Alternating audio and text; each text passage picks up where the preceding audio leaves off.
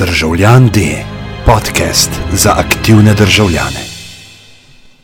Evo, dragi moji, eh, pozdravljeni na prvem od štirih eh, tedenskih večerov, ki jih eh, Zavod Državljan D organizira z namenom debate o medijski sferi, ampak medijski sferi, ki se bo bolj ukvarjala z vsebino kot z socialnimi problemi oziroma problemi na Zavodu za poslovanje. Um, štirje večeri, štirje mediji, uh, radio, televizija, internet in uh, tiskani mediji oziroma časopisi. Uh, začeli bomo z radijem, ne čist po naključju oziroma ne čist uh, po nesreči, ampak predvsem zato, ker sem, uh, pa me bo potem gost takoj popravil. Gost danes je Matej Praprotnik, pomočnik direktorja za strateška vprašanja na valu 202. Uh, to me je ful presenetilo. Na Radio Slovenija. Na Radio Slovenija, ok, evo še huj. Boš tudi je pa to- lepo, da si omenil Val 202, oziroma Valda ga omenil. Pa, Ker od tam lej, izvira, ti imaš majčko, imaš oblečeno Radio Battle, si um, velik fan, uh, sem jaz, poslušalec radia Val 202.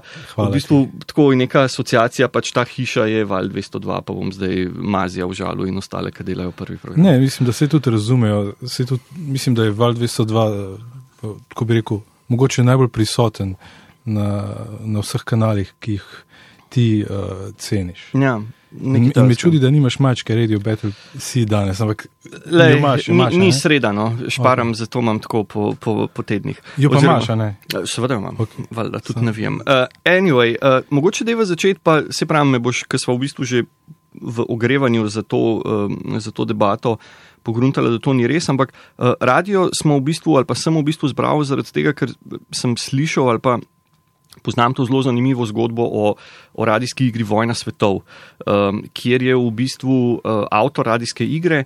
Um, Nekako začel, um, ko je sproduciral to, to um, radijsko igro za radijske valove, oziroma to knjigo za radijske valove, je v bistvu uporabil nek novinarski žanr, zaradi katerega so potem ljudje mislili, da se to res dogaja, da res prestajajo marsovci, da res napadajo, da tam res hiše gorijo in je bila neka panika in so pač eh, ljudje zares vzeli uh, to poročanje. Pa preden me popraviš, eh, preden me popraviš, zakaj to ni res, oziroma da to ni res, in daš un tvoj primer, ki je resničen. Uh, mogoče sem še fusnota, zakaj smo se odločili za te večere. Predvsem zaradi tega, uh, kritike so bile v smislu, ne, da je Savič, kaj bo zdaj ti tle učil ljudi, kako poslušati, uporabljati medije. Ampak v zadnjem času sem v bistvu opazil nek velik porast, pa ne samo tega nova TV 24, ne vem, XP neki, ampak v bistvu velik nekega, nekega pomankanja ene take čisto osnovne medijske pismenosti, no? kako uporabljati medije, oziroma kako, kaj je smisel določenega medija v tej naši medijski sferi in kako ga recimo ustvarjalci vidijo, vidite, in kaj, kako lahko ta medij koristno uporabljajo tudi ljudje. ne. Um, ok. To je zdaj fusnota v voda, zdaj pa povej, ja, ta klub sem zdaj naredil. Zdaj pa ti povej, zdaj pa ti, zdaj po, pa- ja, zdaj pa ti povej, zakaj ta zgodba o, o vojni svetov ni resnična, oziroma kaj je res in kaj ni. Ne, Vojna svetov je uspešna uh, radijska igra, uh, ni pa res tisti del, ki pravi, da je bila v Ameriki uh, zelo velika panika okoli tega in veliko žrtev. Oziroma, vsaj kolikor sem jaz raziskoval uh, ta primer, uh, večina uh, kritičnih poročevalcev pravi, da se je o, o učinkih oziroma vplivih te radijske igre nekoliko pretiravalo. Skratka, gre bolj ali manj za urbano legendo, ko govorimo o ameriškem primeru. Je pa res, da je ta uh, vojna svetov doživela veliko priredb oziroma uh, prevodov, tudi v slovenski jezik, a poslušal.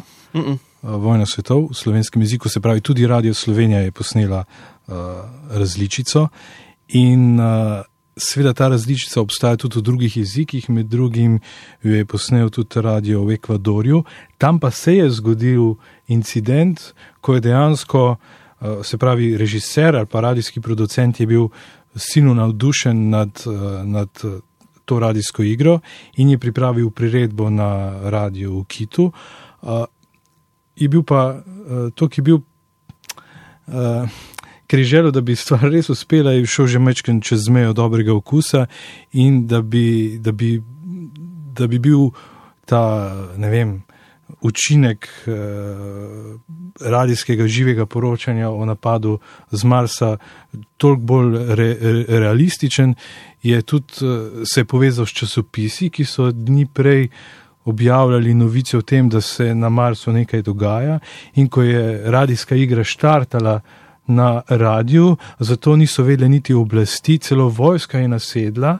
Ja. In ko so ljudje ugotovili, da gre za medijski nateg, so se, so se eh, znesli nad radijsko postajo, takrat je eh, stavba zagorela in zdaj zelo natančnih poročil, poročila pravijo različno.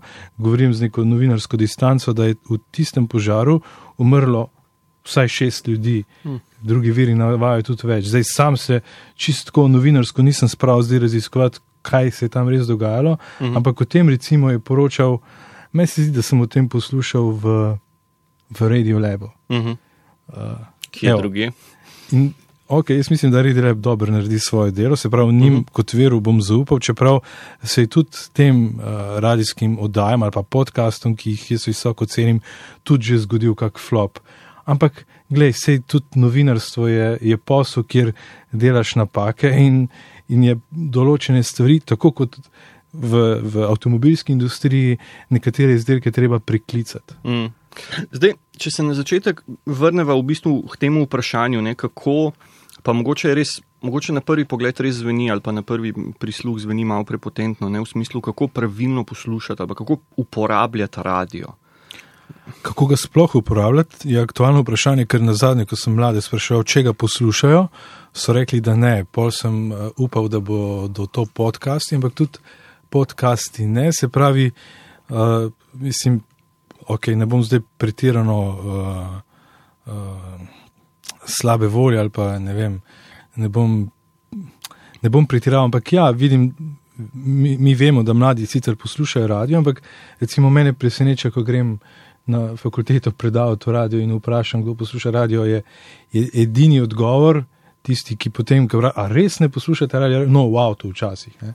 Se pravi, Ampak, to, se pravi, da je moje vprašanje, kako sploh spraviti poslušalce, da poslušajo radio, sicer pa pri samem spremljanju, če govoriš o medijski v- v- pismenosti, valjda ne vzameš vsega. Mislim, valjda razumeš, da imajo tudi. eh, Da tudi novinari delajo napake. Jaz, jaz s tem sicer, mislim, mene najbolj zmoti, pa ne glede na, na medije, ali je to radio, televizija, online, uh -huh. mene najbolj zmoti slabo novinarstvo v smislu, da, je, da vidim, da je zgodba nepreverjena, da, da se izrazito predstavlja ena stvar, da so hude obtožbe. Gre pravzaprav za stvari, o katerih govori novinarski kodeks in tam ni, ni zelo, zelo težko. Čudi me pa včasih, da se to slabo novinarstvo iz online sveta, ki je uredniško slabo nadzorovano, včasih pomika tudi v, v te nazaj, v tradicionalne medije. To me pa moti. Ne? Se pravi, to se mi zdi, da se ne bi smelo dogajati. Mhm. Zdaj, kako pa tvoje osnovno vprašanje je bilo, če se prav spomnim, kako naučiti ljudi, da bodo kritični do, do, do vsebin. Mislim, da se tudi RTV s tem ukvarja. Se pravi, kako nagovarjati mlade poslušalce, ne zgolj tako, da jih iščemo, kjer so, ampak da jih tudi izobražujemo v smeri, da, in jaz mislim, da to je poslanstvo javne, Mhm. javnega zavoda oziroma javne RTV, da, da pa razmisli tudi, kako bi ja, izobraževala ljudi, kako bi. Uh -huh. Kako bi um, ugradila, kako bi pomagala ljudem, da so nekoliko kritični do vsebin in da razume, da so včasih za medijskimi vsebinami tudi agende. Mhm.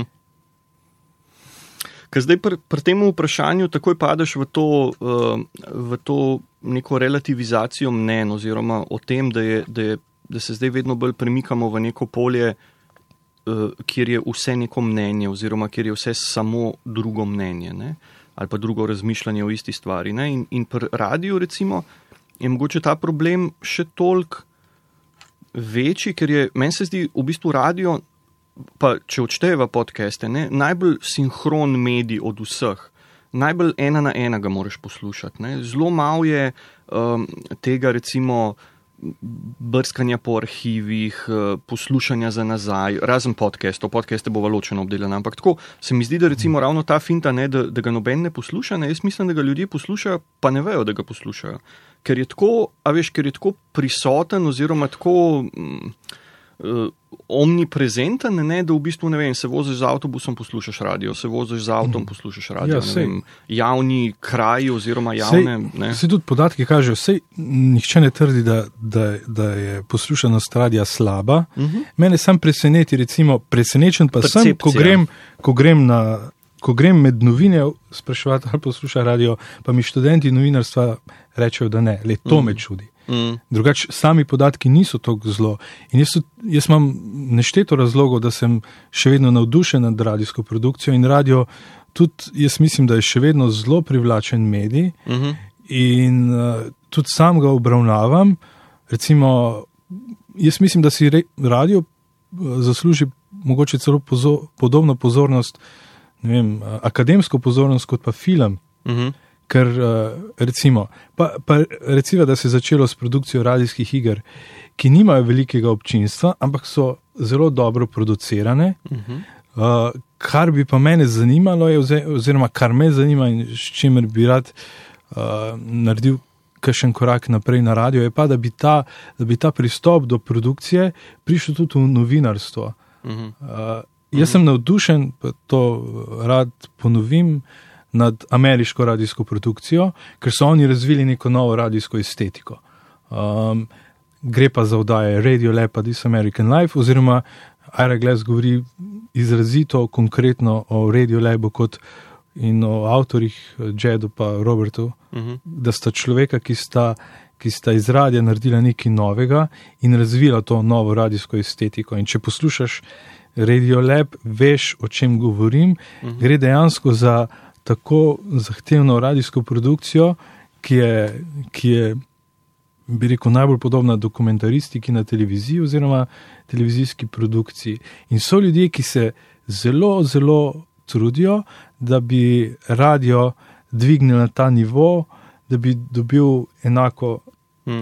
v bistvu, da bi ga približal filmu. In to, kar zdaj recimo dela, bom rekel, to, kar delajo novi ustvarjalci radia, uh -huh. jaz mislim, da se ga letevajo na tak način. Uh -huh. Uh, A mogoče veš, recimo, ne, če gledaš, kaj je gonilo napredka ali pa kaj je gonilo razvoja nekih formatov ali pa neke priprave vsebin na radiju. Ne? Če primerjaš, recimo, oziroma če gledaš internet, je to oglaševanje. Če gledaš uh, tiskane medije, je to v bistvu na eni strani uh, želja po zmanjšanju stroškov produkcije, uh -huh. na drugi strani oglaševanje. Ne? Se pravi, manjši formati, bolj večje črke, masni naslovi in tako. Če gledaš televizijo, je to spet neka, neka želja po, po, ne vem, po eni strani po, po, po, po profitabilnosti oziroma zagotavljanje večje gledanosti zaradi oglaševanja, ne? na drugi strani je v bistvu mogoče spet neka tehnološka revolucija v smislu uporaba boljših kamer, dronov in tako naprej. Kaj je pri radiju ta? Mislim, zakaj se radio razvija? Kaj je tisto? Je to sam, ne vem, nek, nek koncept, nek, nekdo pride in reče: Jaz imam neko idejo in bom to naredil. Ali so tle v zadnji še, še neki razlogi, ki so mogoče bolj, če rečemo temu, splošni ali pa, ali pa mm, univerzalni? Recimo. Eh, Lahko ti povem, kaj, je, kaj vleče radio ta hip naprej. To so nedvomno podcasti, uh Mhm. -huh. ki so v produkcijo prinesli toliko novega, da dejansko um, en radijski producent oziroma radijski, pro, uh, um, radijski ustvarjalec ne more ostati. Uh, mislim, ne, ne pustite, da ne bi razmišljal o prihodnosti radia, oziroma uh -huh. kaj boš naredil bolje. Pri podcastih se je videlo, mislim, kaj je. Jaz že nekaj let govorim, ali pa napovedujem podcastu razcvet, ali pa zlato dobo, uh, čeprav se sliši pač nek beden bazor, ampak ja, pripričan sem, da se je zgodil. Uh, ampak še vedno, recimo, po mojem mnenju, podcast nima zelo velikega občinstva, Uh -huh. tako na širše. Jaz zelo rad razlagam, kjer vse podcaste poslušam in navdušujem ljudi. In zdaj sem odkril uh, Someone Knows Something od CBC-ja, uh -huh. kanadski radio. Um, bom tudi kasneje razložil še kaj več o tem, ampak uh, tlele vidiš pri, pri, pri produkciji podkastov, če si radijski ustvarjalec, ne moreš, ne da bi poskušal delati bolje, ker vidiš, da te ameriška podcast produkcija pri marsičem čist povozi in postaješ čist irrelevanten uh, na radijskem trgu. Uh -huh. In recimo, serial, si- serial je dosegel ogromno publiko, izjemno veliko publiko, je Mhm. zgolj podcast, Mhm. producira ga radijska postaja, zanimivo, Mhm. ampak še večji vpliv se mi pa zdi, da ima serial na novinarstvo in na uh, produkcijo radijskih vsebin, zato ker dejansko prinaša nove pristope in vsi, ki se z radijem ukvarjamo, to poslušamo, poslu, po, poskušamo posnemati ali, ali pa razvijati nove formate. Mm. Vse dejansko uh, je podobno kot uh, z nekimi trendi, ki se razvijajo in so zdaj bolj močni, in, uh, in nedvomno gre podcastingu uh, pripisati to, da se, da se ta nova radijska estetika Mhm. hitreje širi naokrog. Okay, ampak Zaradi ja, zaradi preproste, eh, enostavne distribucije. Ker, veš, kako let sem jaz nucal, da sem odkril ameriško podcasting produkcijo. Pa, le, a veš, vsi poznamo televizijo, ameriško serije, ki mm. jih gledamo eno za drugo, House of Cards. Mm. Evo, Serial je prvi podcast, ki se, ali pa prva taka radijska oddaja, ki je folk začel poslušati 1, 2, 3, 4. Mm. Meni se je zgodilo, da sem, ko sem odkril uh, Serial, sem poslušal prvih pet delov, Mm -hmm. po mojem, v dveh dneh. Mm -hmm. In potem sem bil slabe volje, ker sem mogel en cel teden čakati mm. na naslednjo epizodo. Evo, to je serial prenesel. Se pravi, ljudje je spomnil, gledajte, mm Mhm. -hmm. da se tudi z zvokom narediti in to je česar se radio oklepa, ker dokler boš ti slišal in dokler bojo ljudje uh, imeli sluh, bo zvok vedno, se pravi, je vedno zelo učinkovita oblika komunikacije. Mm. Uh, sem pa pripričan, da se bo tudi v tem uh, trgu zvoka še razvijali novi formati, mogoče, ampak ki jih niti ne znam napovedati, ker so zelo daleč stran. Ampak, tle recimo, in to je mogoče glih serial, pa, pa, pa, pa te v bistvu neke u, u, zvokovno upovedane zgodbe. Ne? V bistvu se mi zdi, da jemljajo eno zelo močno ali pa zelo eno pomembno komponento ven iz radia in to je ta pač sinhronost. Ne, se pravi, poročanje v živo, poročanje z terena, um, odzivanje v bistvu na dogodke, tisti hip, ki se zgodijo, pa ne samo na cesti je povožena žival, ne, ampak tudi v bistvu nekaj, kar je, kar je bilo mogoče v, v, nekem, v neki komponenti bolj prisotno pri tej radijski igri Vojna svetov, ne, da, se je v bistvu, da, je, da je občinstvo dobilo občutek, da se to dogaja zdaj. Ne.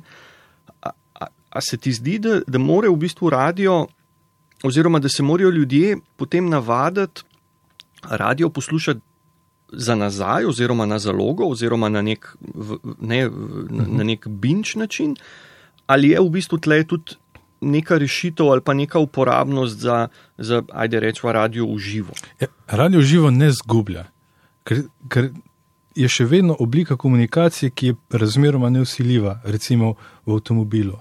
Je pa res, da recimo. Da, da BBC razmišlja tudi o tem, da ja, bomo imeli pa samo vozeče avtomobile, kjer boš ti lahko namenil tudi čas gledanju Netflixa. To pomeni, da bo radio izgubil v avtu. Uh -huh. Meni se že tako zdaj zdi, da radio izgublja v avtu na, na področju prometnih informacij. Uh -huh. Ker zdaj, že zdaj veš, da ti Google da mogoče bolj več ti pove. Uh -huh. Mene pravzaprav ne zanima, kaj na cesti se je zgodilo, mene zanima samo, kje naj se peljem. Uh -huh. in, in radio te ne more usmeriti. Radio uh -huh. ti lahko samo pove, kje se je kaj zgodilo, še vedno si, uh -huh. je tvoja odločitev. Tako da se mi zdi, na področju prometnih informacij bo radio zgubil, ima pa še vedno možnost, se mi zdi, da naredi, pa, kar pa si v prometnem zastoju. Je pa mogoče ravno ta živost programa uh -huh. in dobrih vsebin, pa dober voditelj, karizmatičen, tisti, ki bi te pritegnil, uh -huh. da si ti v, v prometnem zastoju še vedno tisti zmagovalec. Uh -huh. Poglej, si pravzaprav edini, ki lahko nagovarja uh, ljudi, ki so v avtomobilih in če uh -huh. boš dober, uh, te bodo poslušali in sploh ne rabiš uh, podajati prometnih informacij, oziroma le, ki se enkrat zastoje, si praktično tam, ne moreš mm. nič več. Mm. Kar se tiče pa tega uh, poslušanja, pa se pravi nesinhronega, nelinearnega mm -hmm. poslušanja, je pa ravno to, če ti, če jaz hočem nagovoriti poslušalce in jih pripričati, da me bodo poslušali. Mm -hmm. Čeprav stvar ni živa, ker mora priznati, da je meni živ radio nekaj posebnega, uh -huh. ful sem vesel, kadar me Miha Šalehar nagovarja tisti hip, ker to recimo pri teh spletnih storitvah pogrešam, uh -huh. čeprav se da nekako kompenzirati. Ampak jaz imam dejansko rad živ radio, ker vem, ker to, da vem, da je človek tisti hip v studiu, ima, ima nek za me dodano vrednost. Če pa jaz želim nekoga pripričati, da me bo poslušal tudi po tem, ko sem jaz nekaj sproduciral, je pa, je pa ni kompromisa, mora biti pa produkcija res res dobra. Ravno to sem hotel zdaj omeniti, oziroma se, se navezati ravno na, na Mihija, oziroma na, na toplovod, ne, kjer v bistvu vidiš ravno to, kar si ti omenil. Ne, se pravi, dve jasno ločeni poti. Ne. Na eni strani imaš radio v živo, ki je fenomenalen, takrat, ko je v živo. Zaradi človeka. Tako, ja. pa, pa zaradi energije, pa zaradi tega, ker se v bistvu je, je odziv hipen, medtem ko je tako, kot si rekel, ne, v bistvu ista zadeva, takoj, ko jo. Takoj, ko se neha prenos v živo in jo poslušaš asinhrono, ne, je v bistvu čist brez veze pogosto. Čisto odvisno zdaj, recimo, jaz grem toplo tudi za nazaj poslušati, če vidim na Twitterju, da je bila razprava. Mm. Takrat, je, takrat je občutek skoraj podoben, kot da bi poslušal živo. Sej, mm. se recimo, vem, da ne bom poklical v oddajo, mm -hmm. nisem ti. vem, da ne bom poklical v oddajo, tako da je ta občutek skoraj enak. Mm. Tle, tle uh, mi, je pa, mi je pa zanimivo, da, da se recimo radijske postaje zavedajo, da morajo, prav je, da se zavedajo, da morajo podcast poslušalce ali pa te, ki pridejo kasneje, drugače nagovarjati. Uh mhm. -huh. In tudi za me, recimo, podcast ni, da vzameš eno oddajo in jo vržeš na MP3, če še -huh. imaš podcast. Uh -huh. Smiselno jih je malo drugače nagovoriti. Uh -huh. Mi smo včasih, uh, mi smo se nekaj časa zahvaljevali poslušalcem podcasta, uh, hvala, ker nas prenašate. Uh -huh. uh, je bilo že nekaj dodatnega. Ne? Mm. Da se še bolj, da se še, recimo, frekvenca X zdaj tudi nagovori uh, poslušalce podcasta. četrtega zidu. Posebej, recimo. ja. Pol imaš pa še druge možnosti. NPR ima eno fino aplikacijo, mislim, da je NPR One, mm -hmm. kjer te dejansko aplikacija te nagovori. In to je tisto, kar mene, mene navduši. Da pridem, mm -hmm. poslušam radio in me nekdo nagovori, hej, in, in imam idejo, se pravi valjda si sposodiš idejo od NPR-a, recimo, mm -hmm. uh, in jo peleš en nivo naprej. Če bi recimo danes delal uh, mobilno aplikacijo za Radio Slovenija, mm -hmm. bi recimo v aplikacijo dodal tudi živega človeka, ki bo za vsak dan, se pravi, no, danes je sreda, mm -hmm. to imamo tle in, in te vmes. Uh, Vmes te nagovarja tako, kot praktično na radiju. Se pravi, da bi imel mm poleg človeka, ki nagovarja uh, poslušalce na FM ali pa DAB uh, eh, broadcastingu, mm -hmm. da imaš tudi človeka, ki je tisti dan, pa recimo Nec Jemec, da je danes, je danes je petek, bil sem jutranji voditelj, zdaj pa bom mm -hmm. zmoderiral še te podcaste. Uh, hvala, ker si vklopil aplikacijo. Mm -hmm. uh, danes imamo uh, frekvenco X, uh, mm -hmm. pa to, pa to, pa še to. In, in lahko, recimo, lahko tudi dejansko ti mogoče dodaš nekaj tega tudi v samo za te, se pravi, da, da, da jim.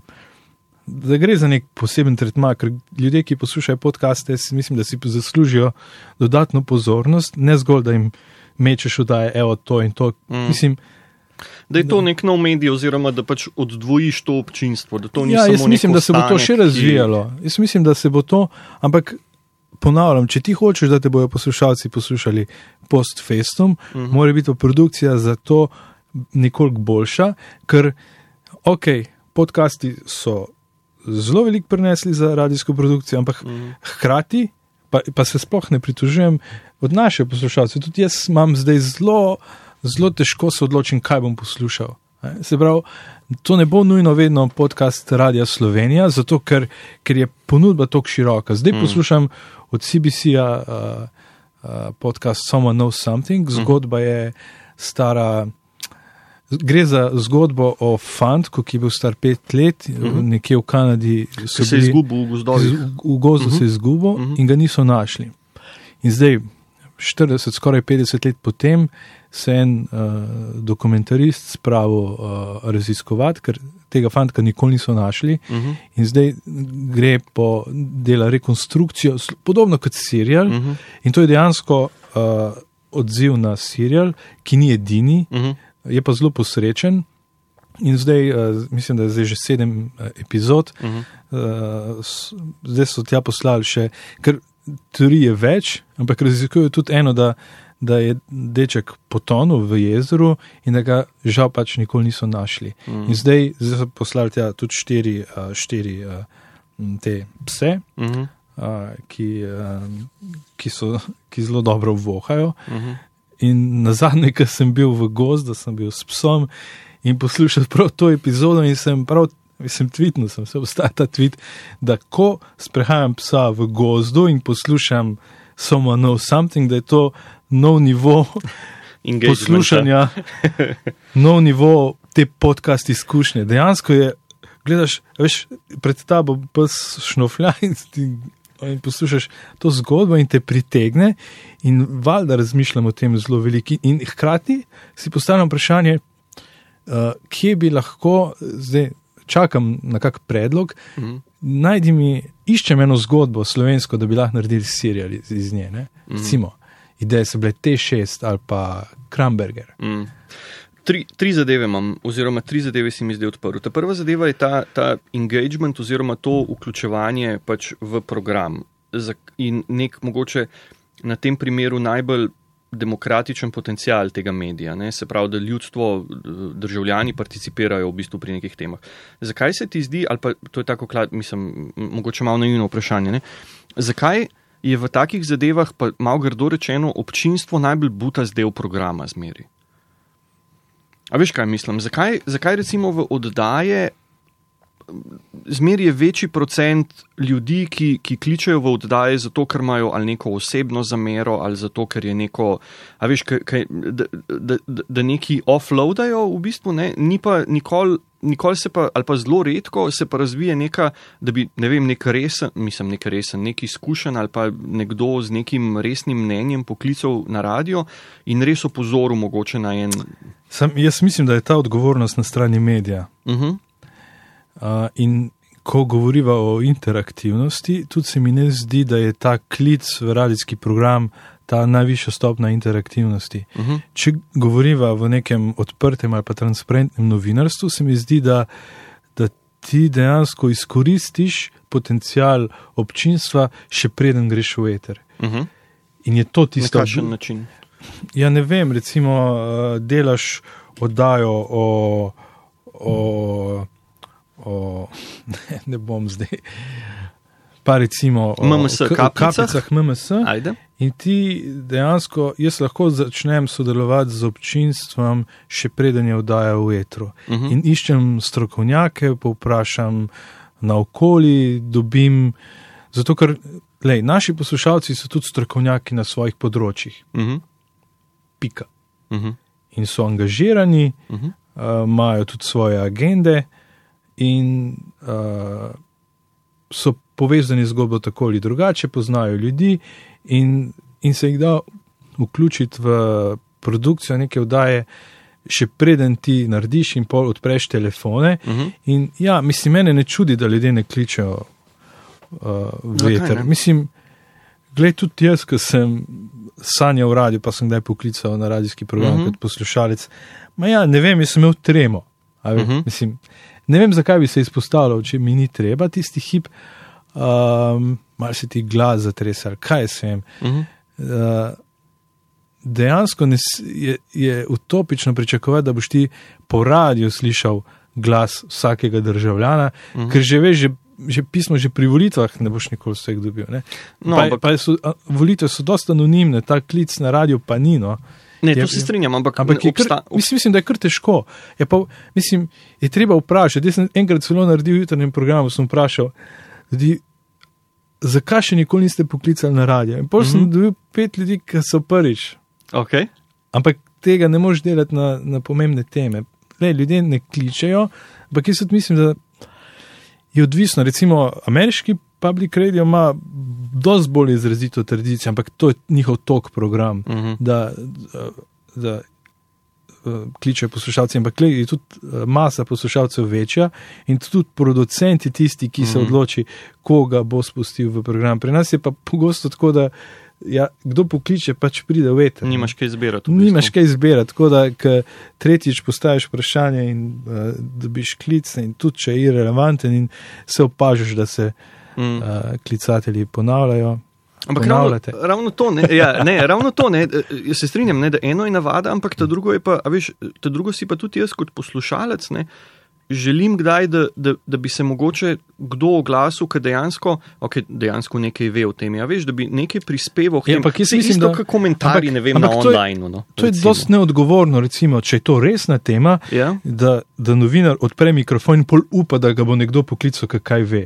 Okay. Okay, če imaš zelo dober, uh, če si, po mojem, če si karizmatičen, informativen, uh, karizmatičen novinar, mm -hmm. po mojem bi to šlo. Uh -huh. Ne uspe pa to vsakemu. Je pa dosti neodgovorno, da ti odpreš mikrofon in rečeš, no, danes bomo govorili o tem Uh -huh. in upam, da bo kdo poklical, kaj- o tem ve. Mislim, Ne, če, okej, če je da, to ja, to se informativna strinjam. oddaja, je neodgovorno, če pa zabavna, je pa ok. To se Ampak- strinjam. In pol, mislim, če gre pa za, za resno stvar, pa valjda boš, boš naredil research in boš našel ljudi in boš šel do njih mm Mhm. -hmm. in boš tudi tako dolgo govoril s tistimi, ki ne želijo v eter, ker imaš mm Mhm. -hmm. tudi ljudi, ki, pa, ki preprosto nočejo govoriti pred mm Mhm. -hmm. mikrofonom, rečeš pa se bo, pa eno tri, pa vsi napišejo na papir. Mm Mhm. -hmm. Jaz sem zelo. Ja, se zgodi, veš, da imaš goste, ki bi ti radi nekaj razložili, mm. si napiše, pa, pa preberejo. In veliko anegdot je o tem, da so, da so ljudje, ki so v živo nastopili mikrofonu, tisti hip, ko je človek začel brati, mu ga skrili ne, mm. In ko si v zadregi, pač nekaj spraviš iz mm. sebe, ker, Mm. ker drugače ne gre. No. Mislim, da se ljudje tudi. A veš, se pre, ljudje, ki, ki niso vajeni poslušati svojega glasu po radiju, mm. -hmm. se tudi zelo preobremenjujejo s svojim glasom. Mm Mhm. -hmm. Ej, jaz ne poznam človeka, ki ima, ki ima uh, grd glas. Mm Mhm. -hmm. Za me to ne obstaja. Ampak uh, ljudje, ki se pa prvi slišijo v slušalkah, joj, pa ne vem, kako z njim. In to je Mhm. meni še zmeraj, mislim, razumem vso to kolobocijo, razumem Mhm. vse ta strah, ampak lej, ne poznam ljudi, ki imajo obupen glas, tako da. Me, Ne vem, mislim, naloga radia da je valjda, da, da, da, da sliši čim, več, čim širši spektr glasov mm Mhm. -hmm. in lej, tako nekih sanjal, tudi nekih idej, da bi Radio Slovenija tudi naredil neko bazo. Pravzaprav bi si želel, da bi vsak državljan Slovenije imel enkrat priložnost, da nekaj pove Mhm. po radiju. Lahko bi to en tak zanimiv projekt, ne? A veš, ker to ostane, veš lahko čez 3000 let. Tle, tle, Kjer smo, zdaj tako na problemu poslušali. voice recognition, pa bas, pa okay, Ne, ampak ni, vem, da nisi hotel tega povedati. Ne, hočem reči, Ja, ja, to, bi bila, strinjam, to, ja. bila, to, bi, to ne bi imelo informativne vrednosti, neko, ampak umetniško. Recimo, ne. Pa da generiraš neke nove navade. Ne. Mm. Uh, ta druga, oziroma Pa veš, recimo, da, ja. bi, da bi ti lahko šel uh, čez uh, tvoji prav, prav, prav vnuki, hej, tako je pa zvenel dom, uh, tvoj prav, prav, prav dedek mm. pred 300 leti, pogled, tole je prebral. Mm. Sporočilo tebi. Ja. Pred zadnje vprašanje. Um, ena zadeva, oziroma trend, recimo, ki smo glih pri podcestih, pa si omenil Sirial, pa vse te, se mi zdi, da se zdaj večina teh dobro poslušanih ali pa nekih popularnih podcastov ukvarja z nekimi temi true crime zgodbami, se pravi z, nekimi, z, neki, z neko črno kroniko iz preteklosti. Um, a, a je to na ključje? A je to marketing, oziroma a je to tisto, kar v tem trenutku najbolj gre, oziroma se najbolj prodaja, a smo mi v bistvu uh, prenasičeni od teh nekih, da rečemo temu, visoko letečih vsebin ali pa nekih vsebin, šli nazaj kot poslušalci in rekli, mi hočemo kri, spermo in, in umore. Ne? Ali se mi to vse samo zdi in je, in je v bistvu to samo moj ta fokusiran pogled in obstaja na, tudi na drugih področjih zelo kvalitetna produkcija, sam ni tako izpostavljena. Absolutno obstaja. Uh -huh. In uh, me, me ne skrbi, da bi bilo v spredju to, kar ti praviš, kri, mm. uh, sperma, uh, kriminal. Uh -huh.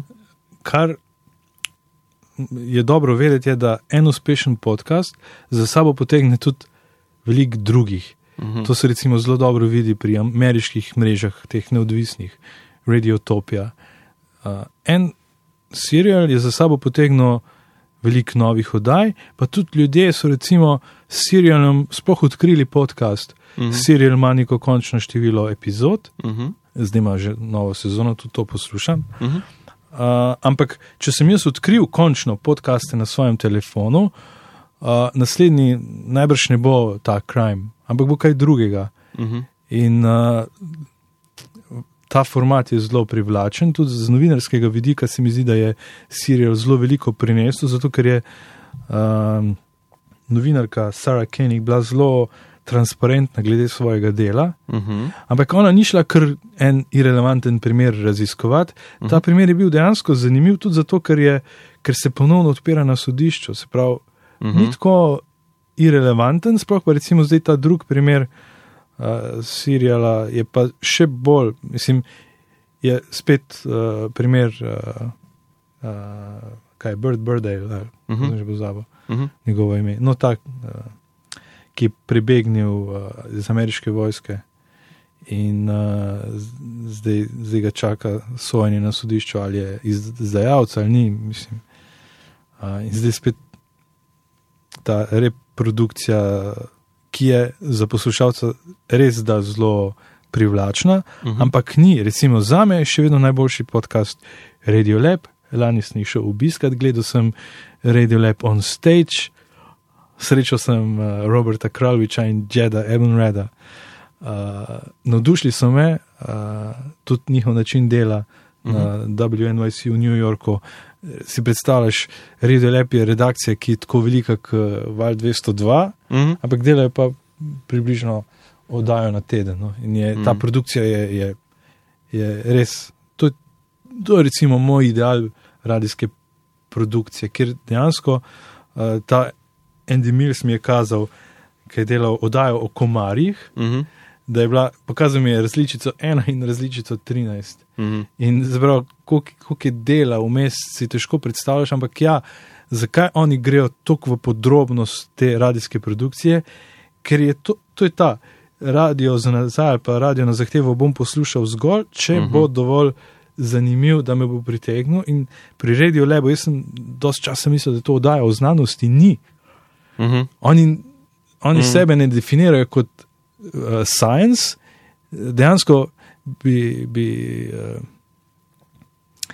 Dejansko se izogibajo da, besedi znanost, ker, ker, ker tako, dosti ljudi beseda znanost malo odvrača, Uh -huh. ker to je pa, zdaj bojo pa znanstveniki, pa pojma nimamo, pa uh ne bomo poslušali. Uh -huh. Oni pa naredijo, oni pa zgod, oni dejansko oddajo, zgradijo okrog zgodb, ne okoli tem, in tudi nikoli si ne dajo nekih ambicij, da bojo zelo znanstveni, so pa zelo pogosto. Uh, Imajo različne formate, oddaj, ampak zelo pogosto so razlagalni in ti Mhm. mm. razložijo en pojav, ampak ne, ne vzamejo teme in rečejo, danes bomo pa v tej oddaji o znanosti govorili o. Uh -huh. Uh -huh. Ampak uh, to je domen, Uh -huh. Imel je operacijo na srcu in zdaj, ko si z njim v prostoru, slišiš njegov srčni utrip. Uh -huh. Tut, Uh -huh. a ne. Razumem, ja. in, in okrog tega se zgradi zgodba. In, in tam sem tudi, uredi lepo, zelo pogosto tudi sam dobim kako idejo, kaj bi, kaj bi še delal z radija. Nimam jajc, da bi jih posnemal, Uh -huh. a, da bi delal enako, ampak ja, vzameš pa kaj dobrega in mislim, da vse vem, ne, Radio Lab ima zdaj že zelo veliko posnemovalcev, tako da si tudi uh, ustvarjalci Radio Laba želijo spet stran, ampak jaz mislim, da je to tudi tak uh, neustavljiv proces, ki se ti dogaja, kadar si dovolj ustvarjalen, mislim, da je to nekaj čist normalnega. Mm. Pa če greva zdaj v bistvu v ta zaključek, se pravi, tri zadeve ali pa tri stvari, ki, ki bi jih ti, recimo, ali pa ki ti misliš, da so v tem trenutku pomembne za najprej za ustvarjalce radijskega programa. Oziroma, kaj je zdaj neka stvar, ki bi se jo bilo treba kot ustvarjalec, oziroma kot nekdo, ki, ki producira te zadeve, tri ali pa ena stvar, ki bi se jo bilo treba lotiti, oziroma ki, jo bilo, ki bi jo bilo treba pač premakniti, oziroma s katero bi se bilo treba začeti ukvarjati. Pa bom pa še to drugo stvar poprašal. Jaz mislim, da bi bilo za, za radijsko novinarstvo ali pa radijsko produkcijo ta hip najbolj učinkovito ali pa najbolj uporabno, če bi novinari se malce zgledovali po televiziji oziroma pri tem storytellingu po radijskih igrah. In moja ideja je, da bi združili nekako ta dva svetova, ker kaj slišim. Uh, režiserji radijskih iger uh, se jezijo na novinare, da ne znajo pripovedovati zgodb, Uh -huh. novinarji pa tudi pravijo, da so, recimo, pripo, uh, ne vem. Gre ta dvosmerna kritika. Mhm. Ni, ni, ni treba, da dokončam do konca, ampak vidim, da bi se, da bi se um, znanje obeh lahko združil v neki, da bi nastal, se pravi, novinarsko delo, pa ta režiserski pristop. Če bi to združil, bi dobil oddaje, ki so na nivoju. Jaz vem, da je Radio Slovenija sposoben in tudi jih proizvajamo, oddaje, ki so na tem mm. -hmm. nivoju, ampak jih, jaz mislim, da bi to mogla celo norma postati, ne? tako da bi Mhm. še bolj težili k tem, ta, to pripovedovanje radijsko, eh, to je treba razviti. Mhm. Danski radio je pred časom naredil en zanimiv eksperiment. Šli so v čist novo uh, informativno oddajo in so rekli: Fakaj mi, a ti slišiš kakega človeka, da ti pride do tebe in reče: Danes se je v Bruslju zgodil teroristični napad, v katerem je bilo ubitih 30 ljudi. Ne, ni, sam na radiju slišiš. Zakaj radio vzpostavlja neko naracijo, ki je zelo nenaravna in so naredili oddajo, v katerem sta Domen in Matej se pogovarjata, ti veš, kaj se je zgodilo v Bruslu, kaj. In, in to je novinarjem, ko so začeli delati, bilo zelo nenaravno, zelo čudno, adijo, uh. -huh. uh, bilo je tudi neki kritik, ampak se je prijelo. Zakaj? Zato, ker, ker, so, ker so postavili radio na glavo, ta koncept pripovedovanja. Mhm. Ampak, valjda, še vedno gre za dva zelo dobra novinarja, ki ne govorite kar tja tri dni, ampak sta na tekočem, sta zelo dobra, delata zelo dobre zgodbe. Mhm. Uh, posneli so eno full odmevno zgodbo, ki so. Oni so eno leto klic, klicali Goldman Sachs, uh Mhm. -huh. ki ne dajo uh, nobenih izjav za javnost, nobenemu novinarju ne odgovarjajo. In so imeli novinarko, ki je eno leto vsak dan jih klicala in prosila za izjavo, se z njim spoprijateljila, uh, vse to so snemali. In ko so jih oni imeli že tako poln kufr, da so najeli agencijo na Danskem, kamor se pravi naslednjič, ko so poklicali, se ja, sorry, zdaj smo pa najeli PR agencijo na Danskem, zdaj, pa, zdaj se pa na nje obrnite z vprašanji. Ko se je to zgodilo, je Danske radio šel ven z novico in objavil pogovore z njimi, ko se je recimo novinarka eh, tako pač. Ja, hecala. Ja, veš, vse vem, da ne boste dali izjave, sam šef mi bo to pustil, če ne bom dobila, dajte mi plis, saj neki ali pa, imate mogoče kako službo za me, zdaj se že tako dobro poznamo, jaz sem pon kufr tega radia, danskega. Ampak to, so, okay, ampak to so mogoče neki ekscesi, ki ne vem, če lahko iz tega narediš neko long. Mislim, ne vem, če. Ne, gre tu po moje za inovativno novinarstvo, po moje včasih tudi, ker pogruntaš neki noga, nek, uh -huh. včasih tudi no story story. Ne? Uh -huh. Mislim, valjda ne boš dobil odgovora, da se tudi iz tega kaj narediti. No? Uh -huh. Se pravi, Preizkušati prevetritev, neke- no, ko, če ja. govoriš o prvi stvari, prevetritev mm. tega pripovedovanja, premislek o tem, ali radio res zna nagovarjati ljudi, Uh -huh. kaj zdaj ta radijska govorica, Uh -huh. o kateri smo se učili, a, a se jo da še pripeljati na en drug nivo. In jaz bi zelo rad, da bi radio bil tako, malo bolj, še malo bolj na ti. Uh -huh. Uh -huh. okay, pa, pa še zadnje vprašanje, v bistvu isto, samo z kontrastrani, ne se pravi, kako naj se pa poslušalci, oziroma kaj je zdaj tle vloga poslušalca, oziroma tistega, ki, ki je pač na on the receiving end. Um, kako, kako ne posluša radio, kako ne, mislim, kaj je, obstaja efektivno poslušanje radia. Jaz bi vsakemu, ki ga skušam navdušiti nad radijem, predlagal, naj posluša ameriško radijsko produkcijo. Pa se je zelo težko vrniti. Okay. Ko enkrat pobegneš. Zato, ker, lej, koliko smo navdušeni nad ameriškimi TV serijami, radija pa ne poznamo. Jaz sem imel to srečo, pa tudi jaz sem relativno pozno odkril ameriški radio. Ampak ja, odkril sem ga takrat, ko sem bil v San Franciscu, pa na KQED in sem poslušal to. In ko sem se pel čez Golden Gate, slišim, uh, hej, brigade, hitite. No. Kaj pa to? Mm. Ko? In to je bila oddaja Radio Lab o, o nenavadnih naporih. In je tam Jure Robič razlagal, da mu je pa res slabo, ker ne more več, si on začne pet Old Slovenian War Song. In ja, kje, kje se pravi, le, če ameriški radio. Kjer ameriški radio bo potegnil neko podrobnost iz, iz našega sveta? Je nekdo, ki res se poglobi v, v, ta, v to pripovedovanje in valjda je za me, ker sem bil tam, bil to čist, jaz tisti hip nisem, kaj čak, poznam, kaj je to? Mm, Ah, hej, brigade, no, Mm. kje ki vidi, čak malo. Kaj, Mm. ne razumeš, ne? Mm. Da, in Mm. pol vidiš, le, oni, mislim, da se pri tem so res naredili veliko in, in, uh, in to je za poslušati. No. Pa, jaz mislim, da tudi to vzpostavlja nek pritisk na nas, da, da bi delali boljšo produkcijo. mhm.